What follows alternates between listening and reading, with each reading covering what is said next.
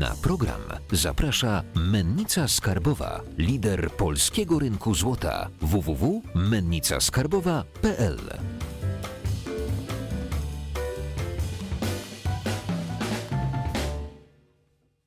Jacek Jakubiuk, witam na kanale Finansowy Preppers. Dzisiaj naszym gościem jest księgowy Łukasz Witam Krzymowski. serdecznie. Ja pamiętam, jak y, zaczynałem w branży ze złotem, była taka moda na to, że ludzie kupowali sztabki inwestycyjne, bo są nie, zwolnione z VAT-u. Y, przerabiali sobie w garażu na y, złom, który jest opodatkowany podatkiem VAT, wypychali to hurtownikom po dosyć niskich cenach. No i na tym VAT-ie, którego nie odprowadzali do urzędu, bardzo fajnie zarabiali, kupowali sobie piękne samochody. Oczywiście nie ponosili za to konsekwencji, bo ponosił ta osoba, która albo wypuszczała dalej w obieg, albo sprzedawała za granicę. To było nagminne w branży złotej. Bardzo dużo jubilerów i bardzo dużo branży na tym bardzo cierpiało. Później to się działo na srebrze, na innych rzeczach. I chciałem się ciebie zapytać, bo prowadząc działalność i y, de- deklarując y, jakby to, że prowadzimy tę działalność w VAT-ie, narażamy się na bardzo dużo nieprzyjemności ze strony urzędów, bo to my musimy udowadniać, że jesteśmy y, niewinni, a nie oni nam wi- winę. Tak, w Polsce w podatkach niestety mamy do czynienia z domniemaniem winy, a nie niewinności. Tak to w praktyce wygląda. I to ty musisz udowodnić, że nie jesteś wielbłądem. I to ty musisz zagwarantować, że kupiłeś od kogoś, kto jest rzetelny i sprzedajesz komuś, kto też jest rzetelny, a osobiście znam przypadek, gdzie y, zarzucano podatnikowi, zarzuca się mu nadal, y, że on sprzedając towar komuś, kto sprzedał ten towar dalej, kto sprzedał ten towar gdzieś i tam pojawiły się jakieś przekręty, że ten podatnik powinien przewidzieć, że dojdzie do tego kilka transakcji dalej i powinien y, y, zaniechać tej transakcji. No przecież kuriozum. No, absurd. No, Mi też się zawsze wydawało, że jakby państwo powinno stać po stronie sprawiedliwości. Jak zacząłem prowadzić biznes i zobaczyłem, co się dzieje na rynku, to aż mnie zmroziło. I y, chciałbym, żebyśmy porozmawiali dzisiaj o właśnie takich sytuacjach, które się zdarzają u nas w Polsce, których warto unikać. Jak się przed takimi rzeczami zabezpieczać? Co robić, żeby y, być czystym dla urzędów, żeby spać y, y, spokojnie, że kominiarze do nas nie zapukają. E, No to, to przede wszystkim e, nie jest tak, że handlując e, długopisami będziemy narażeni w taki sam sposób, jak handlując e, paliwem czy elektroniką. E, Bo elektronika, paliwa, towary drogie, e, łatwo zużywalne lub e, małe, a drogie, e, to one były tak, no można powiedzieć, ofiarą e, tych, tych, e, tych wyłudzeń, bo sprzedając cysternę paliwa, no to na dobrą sprawę na stacji benzynowej ona się rozejdzie w pół dnia. Więc ciężko było udowodnić, co z tym towarem działo się dalej. E, No, paliwa to w ogóle jest e, szeroki temat, bo dochodziło do dużych e, nadużyć w przypadku sprowadzania paliwa z zagranicy, gdzie na jednych dokumentach dotyczących jednej cysterny wjeżdżało cystern 5.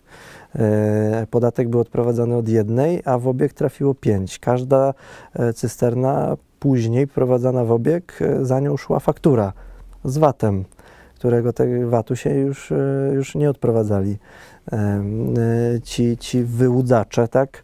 Natomiast e, problemem właśnie było to, o czym mówisz, czyli Urząd Skarbowy nie ścigał tych ludzi, którzy już gdzieś tam daleko sobie byli, tylko Z przychodził... pieniędzmi zaznaczając. Tak, tak, tak, dokładnie. Tylko przychodził do człowieka, który w dobrej wierze nabył ten towar, odliczył sobie VAT, zgodnie z przepisami zresztą. E, No, ale on był, on był uczciwy, on nie miał powodu, żeby się ukrywać, więc przychodzą do niego i odmawiają mu prawa do odliczenia tego VAT-u. E, I zarzucają nienależytą staranność. No, no, nie wiem, czy za nie, nienależytą staranność można byłoby uznać e, kontrahenta, który y, kupuje y, od istniejącej firmy, zarejestrowany jako czynny podatnik podatku VAT i istniejący faktycznie towar. E, no bo te trzy podstawowe elementy powinny być sprawdzane przy transakcji zawsze. Ja mówię o takim modelu idealnym, tak, nieobecnie funkcjonującym w Polsce. Natomiast e, Urząd Skarbowy zarzuca wiele różnych innych rzeczy, tak, że nikt się z nikim nie spotkał. No, w dzisiejszych czasach, w dobie y, telefonów komórkowych, internetu, no, nie będę się tłukł y, z Warszawy do Trójmiasta, albo jeszcze gorzej z Trójmiasta do Wrocławia, tylko po to, żeby, żeby kupić jakiś towar, który mogę załatwić sobie przez telefon. Więc sam brak spotkania z tym prezesem, albo zarzucają, że brak było siedziby sprzedawcy że, że nie stał wielki pałac e, jak ZUS-u, e, gdzie można było sobie wejść i zobaczyć miliony pokoi i siedzących pań przy biurku, tylko, tylko gość miał wirtualne biuro. No miał, bo, bo było taniej, tak? Dzięki temu też może sprzedawać e, taniej swoje towary czy świadczyć swoje usługi. No i takie zarzuty się pojawiają i na podstawie takich zarzutów dochodzi do E, odmowy prawa do, do zwrotu podatku VAT i te sprawy się ciągną, a co najgorsze, jeżeli one się ciągną na tyle długo, że e, do, zbliża się już ten okres przedawnienia, to urzędy stawiają bezsensownie, komu popadnie zarzuty, tylko po to, żeby zawiesić ten bieg przedawnienia. Żeby on dalej sobie już nie biegł, żeby mogli sobie spokojnie pracować w swoim żółwim tempie e, i, e, i wymyślać coraz to bzdurniejsze e, dowody. Najlepsze jest to, że kiedy spotkałem się z protokołem właśnie odmawiającym prawo do, do, do zwrotu VAT-u, gdzie no, było bardzo dużo bzdur w uzasadnieniu, no to po złożeniu skargi Y, główna, y, główna y, informacja płynąca z tego protokołu, czyli brak prawa do zwolnienia VAT-u, ta decyzja się nie zmieniła, natomiast zupełnie inaczej ubrano tylko uzasadnienie, tak? Czyli mm, urzędnik przychodzi z góry z założoną tezą. On przychodzi i on wie, że on będzie chciał od ciebie VAT, bo ty kupiłeś od spółki X, która jest na czarnej liście. I nieważne, co ty robiłeś, oni i tak będą się starali to uzasadnić w taki sposób, e, żeby ci ten VAT zabrać albo ci go nie oddać. Natomiast e, to jest właśnie mm, e, moment, wchodząc w takie branże, no, jednoosobowej działalności nie polecam. Co to powoduje? Trafiamy na mm, nierzetelnego kontrahenta, trafiamy na urzędnika, który no, tak naprawdę no, robi to, co robi swoje, tak? tak no, to, co mu kazali. To, co mu kazał. strzelać nie kazali. A, a my co? Tra nie mamy pieniędzy, więc jakby tracimy pieniądze, więc zaburza nam się płynność, więc biznes może tak, iść i... w złym kierunku, może się przestać rozwijać, a co najważniejsze, może iść ku upadkowi. Y, czy jest jakaś forma odpowiedzialności, którą ma urzędnik bądź za, za złe decyzje, za, bo przypomina mi się taki film y, Układ Zamknięty tak. Y, o tym, jak prokurator z to chyba naczelnik Urzędu Skarbowego y, rozwalili świetnie funkcjonującą firmę. I co wtedy? No nic. Trudno, się mówi. Urzędnik w Polsce nie ponosi żadnej odpowiedzialności. No, możemy kończyć, tak? Nic. Jak, jak, jak przyjdzie do Was urzędnik z prokuratorem, możecie wyjeżdżać, tak? Tak, tak. Jeżeli y, już y, y, większą odpowiedzialność ponosi, nie wiem, wymiar sprawiedliwości, państwo jako takie w przypadku, kiedy osadzi kogoś niesłusznie w więzieniu, niż urzędnik, który zniszczy firmę. On nie ponosi żadnej odpowiedzialności, a jego najprawdopodobniej nawet nie zwolnią z pracy. No bo po co? Czy, to, czy mamy my... jakąś y, alternatywę, jakąś tarczę, którą możemy się bronić? No właśnie różne formy prowadzenia działalności. Tutaj jest po prostu no, wybrać taką, która zabezpieczy nas przy danym ryzyku jak naj, naj, najlepiej. To jest jedyna forma, która może, czyli no, my musimy z góry założyć, że działając w danej branży, w danym obszarze ryzyka, będziemy mieli problem. I y, dobrać formę prowadzenia działalności y, tak, żeby nawet jak ten problem się pojawi, e, żeby w najgorszym wypadku e, ten nasz prywatny majątek chronić i żeby nie stała nam się większa krzywda e, niż utrata tej firmy. Bo ja zapomniałem, jak ten człowiek się nazywał, natomiast była taka sytuacja w latach 90., gdzie gość sprowadzał samochody i udzielał leasingu na te samochody. Super firma, bardzo perspektywicznie i, i szybko się rozwijała. E, I e, przyszedł Urząd Skarbowy i odmówił mu prawa chyba do odliczenia podatku VAT, z tego co pamiętam, dlatego że dostawa tych samochodów z zagranicy była wprost do e, klienta docelowego, a nie do niego na bazę. E, to były lata 90. To był dziki czas Brzmi wszystkiego. Jak absurd. No tak, no tak, dokładnie tak. I Człowiek stracił firmę, po prostu upadła, e, a mogła być e, naprawdę dużym graczem na rynku leasingowym dzisiaj. W międzyczasie e, opuściła go żona, cała rodzina się odwróciła od niego, ale gość się nie poddawał i walczył. I z tego co wiem, to parę lat temu udało mu się w końcu wygrać i wywalczył odszkodowanie. Chyba założył nawet fundację, która pomaga w walce z takimi absurdami i z urzędnikami, którzy mm, wymyślają takie głupoty. No ale co z tego? On by miał dzisiaj super firmę, tak? Gdyby coś biznesowo Albo nie poszło już źle. sprzedał, prawda? Tak, albo byłby już rentierem e, i nie musiałby się ani on, ani jego dzieci, być może jeszcze jego wnuki i prawnuki o nic martwić. E, no a tak e, nie ma rodziny, e, nie ma firmy, nie ma biznesu. E, wszystko wzięło w łeb tylko dlatego, że jakiś urzędnik sobie wymyślił, a, a, ale jeszcze jest ważna, istotna rzecz, no bo on, e, on miał do tego prawo, bo jest coś takiego jak transakcja łańcuchowa, tak? gdzie towar jedzie od y, y, podmiotu A do podmiotu C, a faktura przechodzi jeszcze przez podmiot B. I wszystko jest legalnie, tak? Chodzi o to, żeby te koszty transportu były jak najmniejsze, a jednocześnie, żeby, y, no, bardzo często się zdarza, że ten podmiot B to jest bezpośrednio, to jest jedyny i wyłączny przedstawiciel tej firmy A, y, więc te wszystkie dokumenty muszą przez niego przejść, y, bo, bo on ma wyłączność na danym rynku. E, To tak, także to było jak najbardziej legalne, tak? Tylko dlaczego trwało to kilkanaście lat, żeby, żeby sądy, to jest kolejny temat, sądy, tak?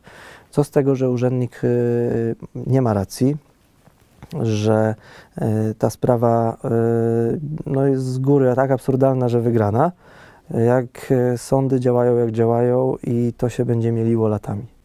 A urzędy zazwyczaj nigdy nie przyznają się do błędu e, i idą w zaparte. Czyli jeżeli chcemy prowadzić legalny, uczciwy biznes i nie narażać się na nieprzyjemności ze strony, To nie prowadźmy biznesu. nie prowadzić Jak biznesu nie chcemy Polsce, się narażać, tak, że- to jak tak nie chcemy się narażać na nieprzyjemności ze strony państwa, e, aparatu urzędniczego, który mamy e, i prawa absurdalnego bardzo często podatkowego, no to nie prowadźmy biznesu. Tak? Mi się wydaje, że mamy taką marchewkę do socjalizmu. Może Tak. w politykę nie wchodźmy, ale e, tak naprawdę ludziom, którzy pracują na, na etacie albo w ogóle nie pracują, daje się dużo, a tym, którzy mm, robią coś, rozwijają firmy, dbają o jakby y, przypływ kapitału do tego kraju, o to bogactwo, o, no, jakby związuje się ręce w, pewnym sensie. Znaczy, w, w części się z Tobą zgodzę, że znaczy tak, daje się pewne bezpieczeństwo tym ludziom pracując na etat. No bo przy, u, umówmy się i powiedzmy szczerze, nie każdy do biznesu się nadaje. To jest duże obciążenie psychiczne, bo musimy. e, no, pracy jesteś 24 godziny na dobę, 7 dni w tygodniu, nie masz urlopu. Tak, nawet jak wyjeżdżasz, to, to masz jakieś telefony, musisz czegoś dopilnować, chyba że już masz naprawdę firmę rozwiniętą do bardzo dużych rozmiarów, gdzie e, ograniczasz się tylko do podejmowania decyzji strategicznych, a te bieżące działania podejmuje za ciebie zarząd. Natomiast e, w momencie, kiedy zaczynasz albo rozwijasz e, e, ten biznes, no to większość e, poważniejszych decyzji, nawet na co dzień, i tak spoczywa na, na tobie. Natomiast e, czy e, im się daje dużo, ten klin podatkowy, który mamy na etacie, też jest gigantyczny. Ja mam wrażenie, że e, zarówno tym, którzy pracują na etacie, jak i tym, którzy chcą prowadzić swój biznes, rzuca się kłody pod nogi. Liczy się na to, że na tych kłodach się ten człowiek wy, wy, wywróci i te grosze, które mu wypadną z kieszeni, rozdamy tym, którzy nie robią nic. To jest bardzo niebezpieczne moim zdaniem w długiej perspektywie, dlatego że taka polityka może doprowadzić do tego, że, no i na pewno doprowadzi do tego, że ludzie będą bali się podejmować ryzyka, e, bo bardziej opłaca im się nie robić nic, żyć na zasiłku, e, niż podejmować ryzyko e, w postaci prowadzenia biznesu. Zwłaszcza gdzie, tak jak wspomnieliśmy, ci urzędnicy raczej nie pomagają. Przykład Norwegii. E, To tam no, pod względem e, wolności gospodarczej nie jest to może wzór do naśladowania, tak mi się wydaje. Natomiast e, jest to e, kraj, w którym jednak urzędnicy mają bardziej ludzkie podejście, przynajmniej w biznesie, bo nie mówimy tutaj już o problemach społecznych, tak? E, Była, było chyba dwóch czy trzech Polaków, którzy w jakiejś wiosce założyli sobie staw. I oni przystosowali jakiś budynek, e, podłączyli prąd e, i sprowadzili bardzo dużo turystów e, do tego miejsca. Jak się okazało, robili wszystko nielegalnie. Kompletnie tam na nic nie było zgody, ani na ten prąd, ani na tą działalność. Na działalności nie mieli zarejestrowanej. Mm, No i z tego co pamiętam, to rada ichniejszej gminy podjęła decyzję, żeby ich nie karać, pozwolić im zalegalizować to, co do tej pory robili nielegalnie, bo dzięki nim do miasta spłynęło bardzo dużo turystów, którzy zostawiają tam pieniądze. W Polsce nie wyobrażam sobie, żeby tak się zdarzyło. Nie, w Polsce, w Polsce jest to niemożliwe. Generalnie nieważne, czy dzięki Twojej działalności, e, no bo teraz spójrzmy jeszcze na tą sytuację tych podatników, którzy są poszkodowani i wkręceni w karuzelę podatkową. E, Oni e, w momencie, kiedy odmówi im się zwrotu tego VAT-u, upadają, bo to są najczęściej bardzo duże kwoty, gdzie kupuje się bardzo dużo towarów w Polsce i większość wywozi się za granicę, y, przez co praktycznie ten cały 23% podatek VAT jest do zwrotu, więc jak nagle nam ubędzie tych y, 23% w- płynności, no to leżymy. To, to ciężko jest to przetrwać. Na, w dzisiejszych czasach marże często nie przekraczają tych 23%. Dokładnie tak. Teraz urzędnik, który przychodzi na kontrolę, no on chce ten VAT, ale żaden urząd nie zauważa tego, że ten człowiek działający dalej i płacący te podatki, on w perspektywie dwóch, trzech lat odprowadzi tych podatków znacznie więcej, niż oni dzisiaj e, uzyskają z e, odmowy zwrotu tego VAT-u. Tutaj dochodzimy już do mądrego gospodarowania finansami, w tym do gospodarowania finansami państwa, gdzie liczy się tu i teraz, zwłaszcza w okresach wyborczych, a nie perspektywa długoterminowa, tak jak na przykładzie tego norweskiego miasteczka. Oni podjęli decyzję, no, że większą korzyść zyskali z tego, że ci ludzie tutaj są, działali nielegalnie, niż jakby ich nie było, nawet jak zrobili to w sposób e, niezgodny z prawem. E, No i pozwolili im tam zalegalizować, oni sobie zalegalizowali i działają chyba sobie do dzisiaj. Czy oprócz samego VAT-u są jeszcze takie punkty, e, na które musimy bardzo mocno uważać? Jeżeli chodzi o podatki. Ogólnie od jakby zagrożenia dla biznesu, jeżeli chodzi o od strony urzędu, prawda? W Polsce jest tak, że mm, możemy sobie wymyśleć jakiś biznes, ale poprzez przepisy podatkowe on jest niewykonalny. Mm, Jeden z moich klientów chciał sprzedawać e, paliwo przy wykorzystaniu kart paliwowych na stacjach benzynowych e, jednej z sieci osobom fizycznym, nieprowadzącym działalności gospodarczej. No i doszliśmy do wniosku, że to jest niewykonalne. Dlaczego? Dlatego, że sprzedaż paliwa osoby fizycznej nieprowadzącej działalności gospodarczej wymaga kasy fiskalnej. Każda taka transakcja w momencie wydania towaru bądź zapłaty za ten towar, jeżeli to następuje wcześniej, e, musi być ufiskalizowana. No i teraz on, e, będąc pośrednikiem między Orlenem a tym, o tą osobą fizyczną, nie ma możliwości postawić na każdej stacji kasjera ze swoją kasą fiskalną. paragony fiskalne można y, jakoś produkować online, żeby przychodziły na maila? Musi Nie. to być fizyczny wydruk z kasy, która jest tak. zalegalizowana. Tak. No i, no i tutaj jest ten problem. No nie, nie możemy wydać tego towaru, przyjąć płatności za ten towar, jeżeli nie będzie kasy fiskalnej. No i, i co to spowodowało? Bzdurny przepis, e, to tak, po pierwsze przedsiębiorca nie zarobił, po drugie konsument nie może kupić taniej paliwa, e, a urząd też nie zarobi na podatkach. Więc e, mamy trzech przegranych. E, Mamy przegrane państwo, które nie dostało podatków, mamy przegranego przedsiębiorca, który nie, nie generuje zysku i mamy przegranego konsumenta, który musi kupować po cenie ze słupa, a nie z rabatem. Na pewno takich absurdów da się, da się jeszcze wiele przedstawić, natomiast e, zazwyczaj to dotyczy tych branż bardzo uregulowanych, e, tam gdzie są duże właśnie obostrzenia, choćby te paliwa, tak? choćby senty. Przykład e, też e, jednego z naszych klientów. To jest firma transportowa wożąca paliwo. Z punktu A do punktu B. Jak transport wygląda, każdy wie, ale nie każdy jest świadomy, że wożąc paliwo, kierowca na drogę publiczną bez senta, to jest dokument przewozowy paliwowy, wyjechać nie może. E, No i tam była taka sytuacja, że odbiorcą tego paliwa była firma, która prowadziła hotel i stację benzynową przy tym hotelu. E, Hotel był na jednej działce, stacja benzynowa była na drugiej działce. Dwa, mimo że jak, patrząc na ten hotel nie widziałbyś różnicy, bo wszystko było w jednej całości, natomiast miały administracyjnie dwa adresy. I firma była zarejestrowana pod adresem hotelu. Firma e, tak wpisała w Senta, że wiezie to pod adres powiedzmy 35, a okazuje się, że zlała paliwo pod adresem 37. 10 tysięcy kary dla przewoźnika.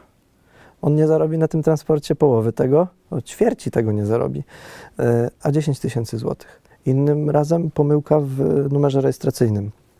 Po prostu ktoś przyciskając na klawiaturze, to ewidentnie było widać, bo to było e, zamiast WR chyba wpisane, czy, czy odwrotnie, także ewidentnie palec nie tutaj uderzył, a że ktoś się spieszył, szybko musiał wypuścić samochód, no to, no to nie zwrócili na to uwagi, 10 tysięcy kary.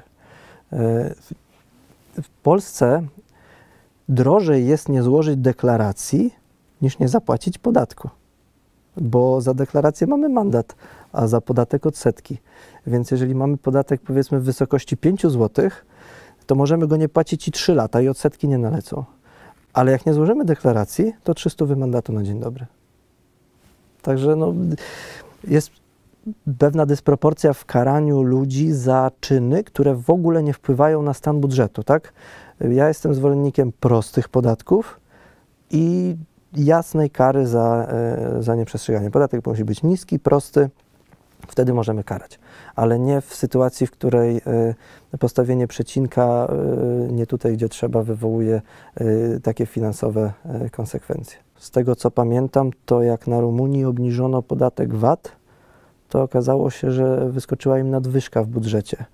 E, dlaczego? Bo karuzele przeniosły się na sąsiednie Węgry, gdzie e, można było 7% więcej wycisnąć. E, więc to powoduje to, że nie opłaca się już prowadzić tej działalności przestępczej. Nikt nie będzie wyłudzał VAT-u, jak będziemy mieli najniższą stawkę w regionie. No tak mi się wydaje. W momencie, kiedy tą stawkę mamy najwyższą i jeszcze aparat skarbowy nieudolny, no to, no to czemu nie? Taka ciekawostka z, z podatkiem dochodowym. E, nie pamiętam w którym to roku, ale okazało się, że e, każda złotówka podatku dochodowego ściągnięta podczas kontroli kosztowała prawie 3 zł państwo. Czyli gdybyśmy podatek tego nie kontrolowali w ogóle, e, no to byłoby taniej. No, rozumiem to, że gdybyśmy nie kontrolowali w ogóle, to tych nadużyć byłoby więcej, ale to też pokazuje, jak podatki dochodowe są szkodliwe, bo e, kiedyś widziałem takiego mema, że skoro akcyza e, ma zniechęcać do palenia, to podatek dochodowy ma zniechęcać do pracy. No prosto. Więc likwidacja podatku dochodowego pozwoliłaby zaoszczędzić naprawdę bardzo dużo pieniędzy i wyzwolić jeszcze większy potencjał w ludziach. Okazałoby się, że dużo ludzi po prostu przestanie ukrywać te dochody, nie oszukujmy się, a dzięki temu zaczną płacić inne podatki, choćby podatek VAT. E, który no, jest efektywny. Za wysoki, ale efektywny. Mnie aż trochę zmroziło na tym odcinku. Już miałem ciarki na plecach. No niestety tak wygląda nasza rzeczywistość. E, może ją kiedyś zmienimy. E, a tradycyjnie na koniec Łukasz, myśl dla naszych finansowych prepersów na koniec odcinka. Kamera jest Twoja. Przewrotnie, no, nie chcesz mieć problemów w biznesie? Nie prowadź biznesu. Dziękuję bardzo. Jeżeli macie jakieś pytania, e, piszcie w komentarzach kontakt do e, Łukasza i zapraszam na, do dyskusji do, na nasze forum na Facebooku, które też będziecie mieli w linku w opisie. Dziękuję Wam bardzo. Cześć.